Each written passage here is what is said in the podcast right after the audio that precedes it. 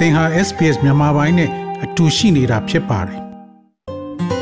SBS မြန်မာပိုင်းကို အင်ကာနဲ့စနေနေ့ည10:00နာရီမှနားဆင်နိုင်တယ်လို့အွန်လိုင်းကနေလည်းအချိန်မီနားဆင်နိုင်ပါပြီ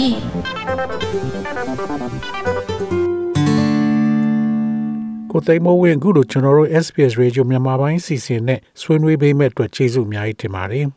ဟုတ်ကဲ့ခင်ဗျာကျွန်တော်လည်းကျေးဇူးတင်ပါတယ်ဟုတ်ကဲ့ပထမဆုံးအနေနဲ့ကိုသိမ်းမဝင်းကိုလည်းကျွန်တော်ဟိုတခါကတော့မေးမြန်းမှုပါတယ် SES တို့ Core State Emergency Services ဒီပြည်နယ်အရေးပေါ်ဌာနနဲ့ပတ်သက်ပြီးကိုသိမ်းမဝင်းပါဝင်မှုနဲ့ပတ်သက်လို့ကျွန်တော်မေးခဲ့ပူပါတယ်အခုလဲကိုသိမ်းမဝင်းကိုကျွန်တော်ထပ်မေးချင်တာကတော့ကိုသိမ်းမိုးဝင်းအဲ့စာဒီ Facebook မှာကျွန်တော်တွေ့လိုက်တယ်လေကိုသိမ်းမိုးဝင်းကအခု Australian Navy မှာအရာရှိတယောက်အနေနဲ့အောင်မြင်သွားတယ်လို့သိရပါတယ်။အဲ့ဒါနဲ့ပတ်သက်ပြီးနည်းနည်းရှင်းပြပေးပါခင်ဗျာ။ အော်ဟုတ်ကဲ့ခင်ဗျာရပါတယ်။ So Australian Navy မှာကျွန်တော်ရဲ့ယာရူကပေါ့လေအဓိက specialize ကတော့ weapons engineering ပေါ့။ဆိုတော့လက်နက်ဘယ်မှာလဲဆိုတော့လက်နက်ခဲယမ်းမိကြောက် engineer ပေါ့လေ။အဲဒီ automation control ဘိုင်းမှာပေါ့။ So တော့လက်ရှိကျွန်တော်ပြီးသွားတဲ့ပထမ training ကတော့ military foundation training ပေါ့လေဒီ training က19 weeks တည်းရတယ် Java space base ရေတပ် base မှာပေါ့အဲဒီ course မှာကျတော့ကျွန်တော်အကုန်ပါတယ်ဆရာဝန် engineering သမားတွေရော နာဇင်ကိုအားလုံးကဒီရဲ့အရာရှိသင်တန်းကို foundation course ကိုတက်ရတယ်ပေါ့ဆိုတော့အဲ့ဒါကိုပတ်ပြီးတယ်ပြီးတော့မှနောက်ထပ်18ဘက်ကကျတော့အကုန်ခွဲထွက်ပြီးကျွန်တော်ရဲ့ weapons engineering ဘိုင်းကိုတော့ next month မှာပြန်စမယ်ပေါ့လေ Melbourne မှာဟုတ်ကဲ့ဟုတ်ကဲ့ကိုသိမ်းမိုးဝင်းကကျွန်တော်တို့ဒီမြန်မာမွတ်စလင်အဖွဲ့မှာလည်းအတော်လေးလှုပ်ရှားရဲ့နောက်မြန်မာ community ထဲမှာလည်းအတော်လေးလှုပ်ရှားမှုမှာပါဝင်နေ ဒီလောက်အလုပ်များနေတဲ့ကြားထဲမှာဒီလို Navy training တခုတက်ဖို့ကဘယ်လိုများအချိန်ရပါလဲ So Navy ကတော့ on base မှာတက်ရတာပေါ့လေဆိုတော့ကျွန်တော်အနေနဲ့ဒီ community အလုပ်တွေတော့အကုန်လုံးကိုရက်ထားခဲ့ရတယ်ပေါ့ဆို community တော့သတိရပါတယ်ဒါပေမဲ့ကျွန်တော်ကအဲ့ဒီမှာ on base မှာတခါလေးအပြီးနေပြီးတော့ဒီ19 weeks ကဆိုတက်ရတယ်ပေါ့ပထမ4 weeks ဆိုလို့ရှိရင်ကကျွန်တော်မိသားစုနဲ့တောင်အဆက်အသွယ်မရဘူးကျွန်တော်တို့ဒီတိုင်းတော့ full time အနေနဲ့ဟို ဟိုတကယ် very intensive training ပေါ့လေလုပ်တယ်နောက်ပိုင်းကျတော့ကျွန်တော် weekly အနေနဲ့ all holiday ရရလို့တော့မိသားစုရှိတော့ပြန်ပြီးတော့ဟိုတွေ့ရတယ် community နဲ့လည်းပြန်ပြီးအဆက်အသွယ်တော့ပြန်ရတယ်ပေါ့ဒီ19 weeks မှာတော့သူ usually ကအကုန်လုံးမြန်မာလိုပြောမယ်ဆိုတော့ကျွန်တော်တို့အထာရတ18ရက်ပေါ့ data ပေါ်မခါတွေဆိုတော့ကျွန်တော်တို့မှာဒီ mental physical spiritual အကုန်လုံးကို basic ကိုပဲပေါင်းစုံကနေသူတို့ YB training ပြီးတော့ very intensive very tough ဒါပေမဲ့အောင်မြင်တဲ့ကျ န်တဲ့လူငယ်တွေနဲ့အတူတူပေါ့လေကျွန်တော်အနေနဲ့လည်းကြောင်းကြိုးစားပြီးအောင်မြင်အောင်တော့ပြီးသွားပါတယ်ဟုတ်ကဲ့ဟုတ်ကဲ့ကိုသိမ်းမိုးဝင်က Australia 2009ခုနှစ်တုန်းကဒီမှာ PhD သင်တန်းတက်ဖို့ရောက်ရှိခဲ့တယ်လို့သိရပါတယ်အဲ့တော့ဒီတောတွင်းမှာဒီ Navy ကိုထဲမှာဒီလိုဝင်ဖို့အတွက်ဘယ်နေရာမှာ information ရပြီးဘယ်လိုသိပြီးဘယ်လိုပါဝင်သွားတာပါလဲဆိုကျွန်တော်ပထမ PhD ပြီးတယ်2019မှာပေါ့18မှာ 2018မှာဒီလိုပဲဒီ information ကကျွန်တော်တို့ဒီ UNSW မှာကျွန်တော် PhD ပြီးတော့အဲဒီကနေ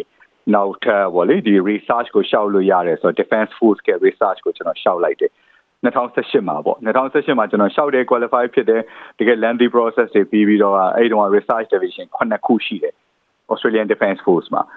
ဆိုတော့အဲ့ဒီမှာကျွန်တော်ပြန်စောင့်နေတိုင်းပဲလို့ကနှစ်ကုန်သွားတယ် research division တခုမှကျွန်တော် pick မလုပ်ဘူး အဲ့ဒါနဲ့ကျွန်တော်ပြန်ပြီးတော့မှ Australian Army ပေါ့နော်အဲ့ဒီရဲ့ officer ဒီ officer engineering အတွက်ကိုကျွန်တော်ပြန်လျှောက်တယ်လျှောက်ပြီးတော့အဲ့ဒီမှာလည်းအဲ့ဒီပဲ very lengthy process ကြာတယ်ပေါ့1 and a half years ကြော်ကြော်လောက်ကိုကြာတယ်အဲ့မှာ assessment တွေ physical တွေနောက်ပြီးတော့ interview တွေ medical တွေအကုန်ပြီးတယ် final stage ကိုကျွန်တော်ရောက်သွားတယ်ဒါပေမဲ့လည်းကျွန်တော်အနေနဲ့ဟိုပေါ့လေကံအားလျော်စွာပဲအဲ့ဒီ officer session board မှာပေါ့ army မှာအရေးမခံရဘူးအဲ့ဒါနဲ့ကျွန်တော်ပြန်ပြီးတော့ army shop ပဲနဲ့ဆက်ပြီးတော့ Australian Defence Force ကဒီ recruiting system ကလည်းအရန်ကောင်းတယ်အရန်လည်း advice ပေးတယ် step every step ဘိုင်းမှာပေါ့လေသူတို့အနေနဲ့ကဘယ်လိုခေါ်မလဲဆိုတော့ step by step တစ်ခုမှတစ်ခုဘာကိုဆက်လုပ်ရမယ်ဆိုတော့တောက်လျှောက်ကိုသူ advice ပေးတယ်အဲ့ဒီပုံမှာကျွန်တော်အနေနဲ့ army ဥစ္စာမဲ့ဖြစ်တဲ့အခါကျတော့ navy ကိုသူတို့အနေနဲ့ဆက်လျှောက်ဖို့ advice လုပ်တယ်နောက်ပြီးတော့ကျွန်တော်ရဲ့ engineering background ရယ်နောက် PhD ပြီးထားတဲ့ automation control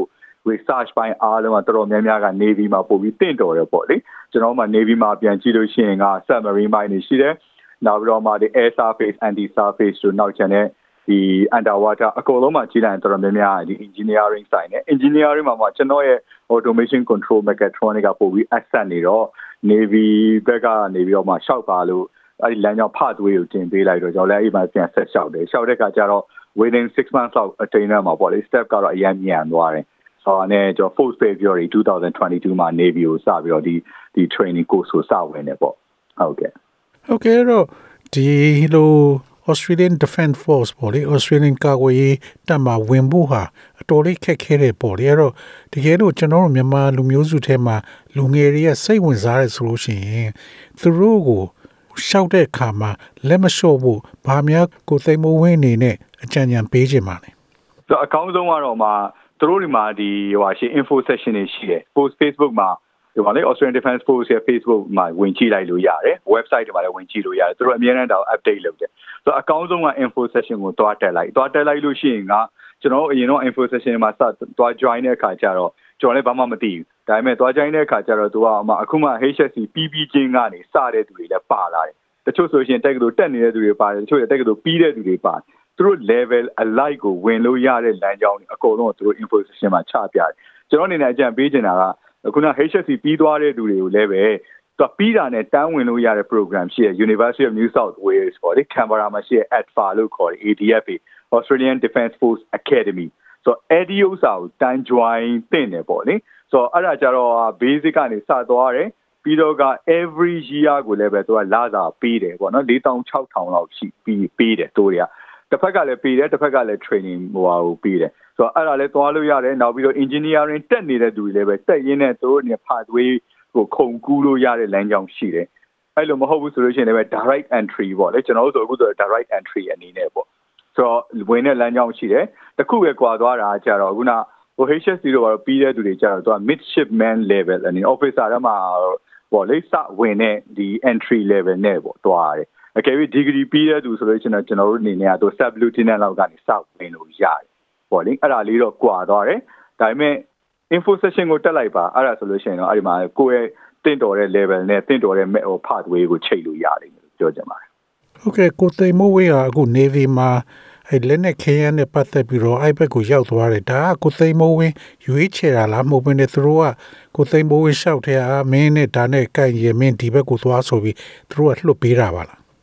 ကျွန်တော်အနေနဲ့ဟိုဟိုက navy pathway မှာဆိုလို့ရှိရင်ကျွန်တော် line ကိုမရွေးခင်မှာ officer ကကျွန်တော်နဲ့ဆက်သွယ်တယ်ကျွန်တော်တို့ဟိုစကားဆွေးနွေးကြတယ်ပေါ့လေဆိုတော့ကျွန်တော်ရဲ့ background က research ရပါတယ်နောက်ပြီးတော့ကျွန်တော် engineering က automation control mechatronic engineering ပေါ့လေဆိုတဲ့အခါကျတော့ကျွန်တော်အနေနဲ့ကဒီ navy မှာ pathway အများကြီးရှိတယ် mechanical တွေ electrical တွေနောက်တစ်ခုကကျတော့ဒီ submarine ဘိုင်းတွေအဲ့လိုမျိုးတွေရှိတယ်ပေါ့လေဒီဒီနောက် marine engineering ဘိုင်းတွေရှိတော့ကျွန်တော်ဘယ်အောင်ပို့ပြီးတော့မှတင့်တော်တယ်လဲဆိုတော့ officer ကိုကျွန်တော်မေးကြည့်တယ် ကျွန်တော်ဘယ်အောင်အများဆုံးကျွန်တော် contribute လုပ်လို့ရမယ့်လမ်းကြောင်းရှိတယ်မေးတဲ့ခါကျတော့ officer အနေနဲ့ပြောတာက weapons electrical engineering officer roles ကြတော့ underwater နောက်ပြီးတော့ surface ပေါ့အပိုင်းတွေ land ပိုင်းတွေနောက်ပြီးတော့ aircraft aircraft ပိုင်းတွေ radar တို့ missile တို့ and အကုန်လုံးပေါ့ level အားလုံး warship ဘယ်နေရာမှာပဲကြီးကြီးက weapons electrical ဘိုင်းကကြတော့အရန် fitting ဖြစ်တယ်ပေါ့ကျွန်တော်ရဲ့ background အရာ ဆိုတော့သူအနေနဲ့အဲ့တော့ advice လုပ်တော့ကျွန်တော်အနေနဲ့ပိုအများဆုံး contribute လုပ်လို့ရမယ်နော်တော့ weapons electrical engineering ကကြတော့ navy ရလို့မဟုတ်ဘူးနောက်တော့ navy ရော army ရော air force ကိုသုံးခုလုံးမှာဒီ weapons ကကအရေးကြီးဆုံးခန္ဓာဆိုတော့ကျွန်တော်အနေနဲ့ navy ကနေစလိုက်တယ်နောက် future မှာလည်းပဲ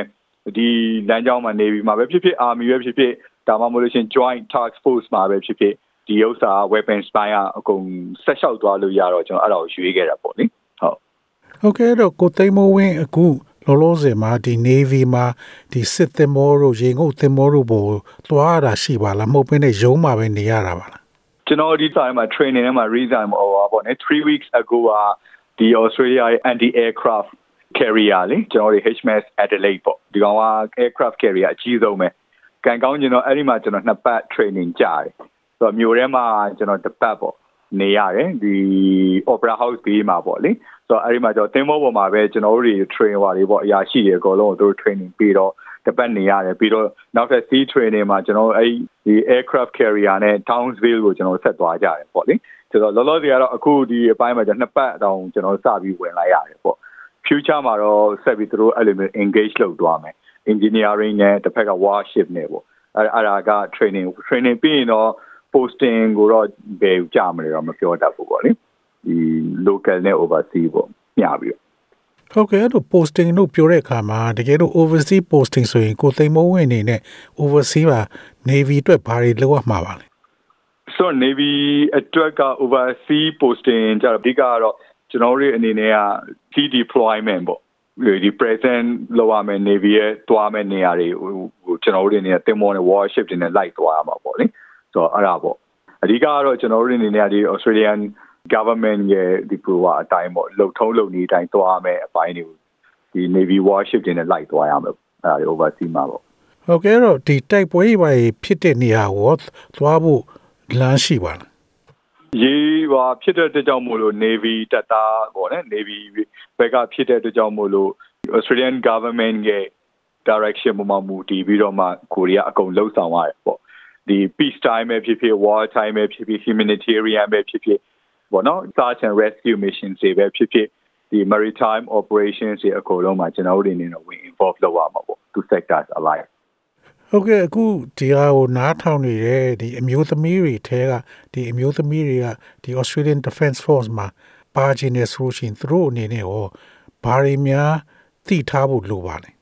ဆိုကျွန်တော်တို့အခုဒီအရာရှိ training ဘိုင်းမှာဆိုမျိုးသမီးတွေလည်းအများကြီးပါတယ်ဆိုတော့အရင်တုန်းကတော့ကျွန်တော်တို့ဟိုတီးတလောက်ကတော့ဒီကျွန်တော်တို့ဒီ training ပေးတဲ့အခါမှာအမျိုးသမီးရဲ့ involvement ဘိုင်းကနည်းနည်းသူတို့ကိုတာနည်းတယ်ပေါ့လေဒါပေမဲ့နောက်ပိုင်းမှာကျတော့သူတို့အနေနဲ့ကကိုတာရဲ့လို့မဟုတ်တော့ဘဲနဲ့ merit base နဲ့တွားတော့အမျိုးသမီးတွေလည်းအများကြီးဒီပေါ်မှာ involve လုပ်လာတာတွေ့ရတယ်ဆိုတော့အဓိကကတော့ကိုယ့်ရဲ့ qualification နဲ့ကိုယ့် interest ပေါ်မူတည်ပြီးတော့ပေါ့လေ engineering ဘိုင်းနေ nursing ဘိုင်းနေ နောက်ပြီးတော့က maritime warfare officer ဘိုင်းနေ maritime logistic ဘိုင်းနေ law နဲ့ဆိုလဲ law နဲ့ပါကိုကိုရဲ့ sign နဲ့ဒီရှိထားပြီးသား qualification အတိုင်းကိုကိုကဟောဆက်ပြီးတော့မှလုပ်လို့ရတယ် Australian Defence Force မှာ exercise လုပ်လို့ရတယ်ပေါ့အဲ့ဒါလေးကျွန်တော်ပြောချင်တယ်ပေါ့အမျိုးသမီးတွေလည်းပဲဟိုငါတို့နဲ့မအပ်ဆက်ဘူးမဟုတ်ဘူးကိုက law ကပဲဖြစ်ဖြစ် academic ဘိုင်းကပဲဖြစ်ဖြစ်ဘယ်ဘယ်အပိုင်းမှာပဲကိုယ့်ရဲ့ qualification ရှိနေရှိနေ Australian Defence Force ကို Facebook တော်တော် website တော်တော်ဝင်ကြည့်ပြီးသွားလို့ရှိရင် info session ကိုတက်ပြီးဆွေးနွေးလိုက်ဝင်ဆွေးနွေးတဲ့ခါကျလို့ရှိရင်ကိုကအဲ့ဒီအပိုင်းတွေတစ်ခုခုမှကိုနဲ့ဆိုင်ရာဆိုင်ရာမှာဝင်ပြီးတော့မှ fit in လုပ်လို့ရတယ်အဲ့ဒါလေအဲ့ဒီမှာနဲ့ပတ်သက်ပြီးတော့ဘာ barrier မှမရှိဘူးအားလုံးက merit base နဲ့တွားကြတယ်ပေါ့လေဟုတ်ကဲ့ဟုတ်ကဲ့ကျွန်တော်ပြီးခဲ့တဲ့တစ်နှစ်လောက်ခါလာမသိဖားတဲ့ထဲမှာဒီ Australian Defence Force တွေထဲကအမျိုးသမီးတွေ အနိုင်ကျင့်ခံရတယ်ဘူလီလောက်ခံရတယ်ဆိုတာမျိုးတွေဖတ်ရပါတယ်အဲ့တော့အဲ့အမျိုးတွေရောအခုချိန်ထိရှိပါသေးလားအခုကကျွန်တော်တို့ကဒီ Australian Defence Force က values က service courage respect integrity နဲ့ excellence ပေါ့ဆိုတော့အခုကအားလုံး individual ကိုလည်းပဲကျွန်တော်တို့ကဒီ training အတိုင်းကိုကျွန်တော်တို့ training ပေးတယ်အဲ့ဒီအတိုင်းပဲကျွန်တော်တို့က practice လုပ်ရတယ်ဆိုတော့ အခုလက်ရှိကျွန်တော်ပြည်တယ်လောက်ကတော့အားလုံးက individual စီကဒီရဲ့ value ကိုအပေါ်မှာပဲ uphold လုပ်ပြီးတော့တွားကြတယ်ပေါ့လေဆိုတော့အချင်းချင်းမှာ respect လုပ်တာ integrity နဲ့ဒီဥစ္စာကို excellence အတွက်ကို strive လုပ်ကြတာပေါ့နော် all work together လုပ်ကြတဲ့အပိုင်းတွေမှာပို့ပြီးတော့မှဖြစ်လာတယ်အဲ့ဒါကိုတော့ကျွန်တော်လက်ရှိ training ဝင်ရတဲ့လောက်တော့ကျွန်တော်သိတယ်ဟုတ်ကဲ့ဟုတ်ကဲ့ကိုသိမ်းမိုးဝင်အခုလိုရှင်းပြပေးအတွက်ကျေးဇူးအများကြီးတင်ပါတယ်နော် ဟောဟုတ်ကဲ့ကိုတယ်ကျွန်တော်လည်းကျေးဇူးတင်ပါတယ်ခင်ဗျ SPS Farmers Community ဟုတ်ကဲ့မင်္ဂလာပါကွ SBS Radio App ကို download လုပ်ပြီးနားဆင်မှတ်ချက်ပြုနိုင်ပါတယ်။ဒါရိုက်သို့မဟုတ်အချိန်မြေးနားဆင်နိုင်ပါပြီ။စစ်တမ်းမှာပါဝင်နိုင်သလိုဆက်သွယ်မှုလည်းပြုလုပ်နိုင်ပါတယ်။ Google Play ဒါမှမဟုတ် App Store မှာအခမဲ့ရယူနိုင်ပါပြီ။